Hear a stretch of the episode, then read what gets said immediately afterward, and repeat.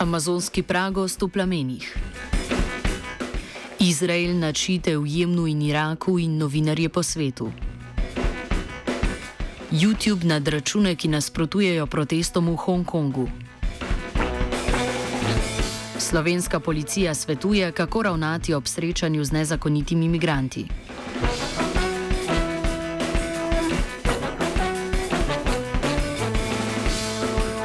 Letos, sploh zadnje dni, deževni pragost v Braziliji z veliko naglico izginja v plamenih. Požigi, ki so se začeli stopnjevati že pred prejšnjim brazilskim desničarskim predsednikom Mišelom Temerjem, so podivjali pod novo izvoljenim Jairom Bolsonarom, ki zanika podnebne spremembe in svoji volilni bazi, rančarjem in rudarskim podjetjem daje tiho podporo za uničevanje gozda. Na obtožbe okoljevarstvenih organizacij o požigih se je Bolsonaro odzval tako, da je za požige obtožil kar nevladne organizacije. Orjaški požari, ki so z dimom v temo zavili celo obalno, celo obalno mesto Sao Paulo, so sicer sprožili odzive mednarodne javnosti. A brazilski zunani minister Ernesto Araujo je odvrnil, da je, citiramo, okoljska kriza zadnje orožje iz arsenala levičarskih laži. V Braziliji sicer beležijo tudi sovpadanje desnih vlad z množičnimi pomori čebel. Zgolj v zadnjih treh mesecih jih je zaradi Bolsonarove deregulacije pesticidov poginilo pol milijarde.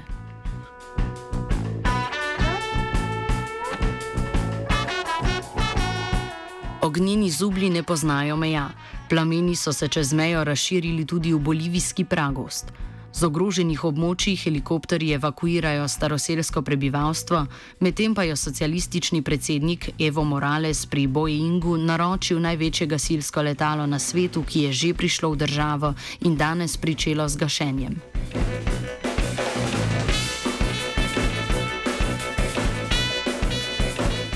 Dim pa se dviga tudi na Bližnjem vzhodu. Kuvajtski časopis Al Jazeera poroča, poroča, da se je Izrael pripravljen na začetek izvajanja napadov na hutijske upornike v Jemnu. Napadi naj bi preprečili, da bi Iran Hutijem pošiljal orožje, čeprav tako Iran kot Hutiji obstoj takšnih pošiljk zanikajo. S tem bi se Izrael v boju proti šitom odkrito pridružil Saudovi Arabiji. Izrael je sicer v zadnjih tednih izvedel tudi več napadov na šitske milice v Iraku.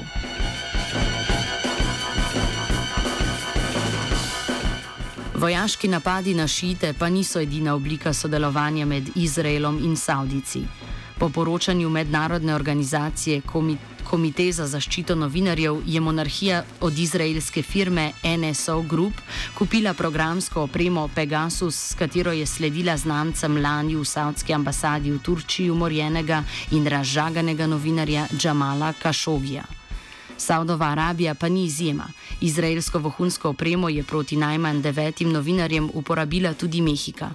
Komite opozarja, da lanskoletna sprememba zakona izraelskim firmam omogoča prodajo opreme za vohunjenje državam, ki z njeno pomočjo nadzorujejo novinarje.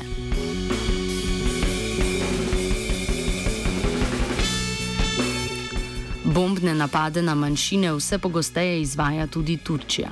Po odstavitvah kurdskih županov in množičnih aretacijah kurdov v soboto je turška vojska v torek v bombnih napadih na gorata območja ob meji z Iranom med drugimi ubila tudi višjo poveljnico ljudskih obrambnih sil oboroženega krila kurdske delavske stranke Helin Halano.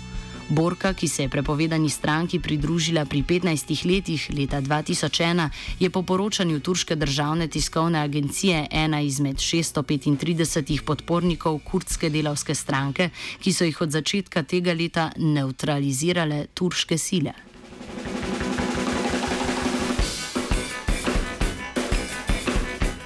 Medtem ko so Kurdi kljub turškim napadom in z nekaj zračne podpore velesil uspeli poraziti islamsko državo v Siriji in Iraku, pa so islamisti v Afriki še vedno dejavni.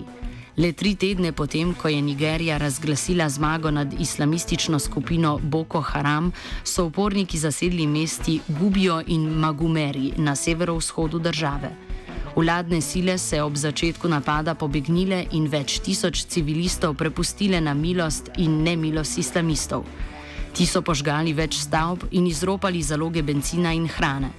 Ko se je nigerijska vojska naslednji dan vrnila, so se borci Boko Harama umaknili. Uradno naj bi bil v spopadih ubit en civilist, vendar lokalni mediji poročajo o več žrtvah.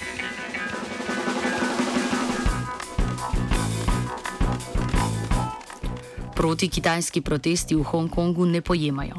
Protestniki, ki že pet mesecev protestirajo proti zakonu, ki bi omogočil izmenjavo osumljencev med Kitajsko in Hongkongom, so si, mahajoč zastavami Združenega kraljestva in ZDA ter prepevajoč krščanske pesmi, pridobili široko mednarodno podporo. Po Facebooku in Twitterju je sedaj korak naredil tudi YouTube in izbrisal 210 računov, ki so objavljali videe, v katerih so protestniki obravnavani negativno. Oba, če, če bom odgovoril na angliški.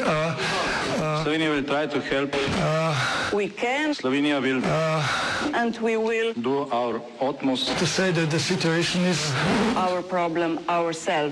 In da bomo naredili nadaljnje korake, as soon as the conditions are. Bomo vlado Marjana Cererja, Marjana Cererja Šarca podprli. Zelo, zelo resno. Slovenija. We know how and we will. Zaradi podnebnih sprememb in spopadov na Bližnjem vzhodu vse več beguncev išče zatočišče v Evropi.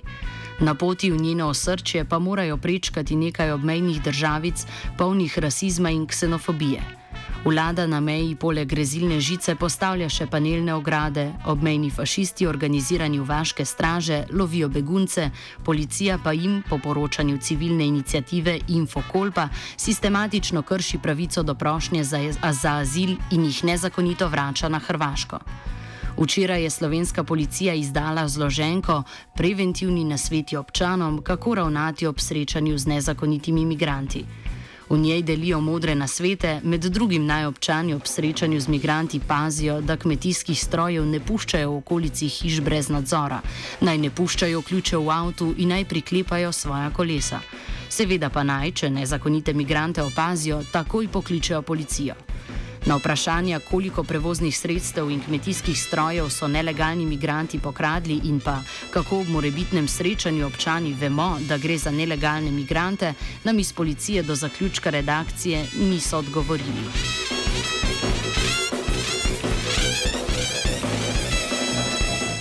Poleg podatkov o stroških postavitve obmejne ograje, pa so tajni tudi podatki o stroških štirih oklepnih vozil, ki jih je lani kupilo notranje ministrstvo.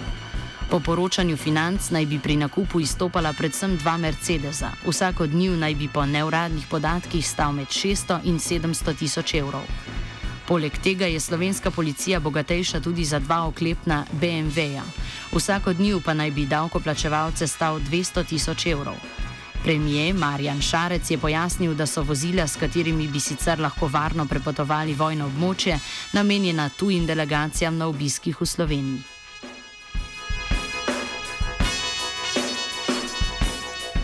Svet je gledal goreti mirt.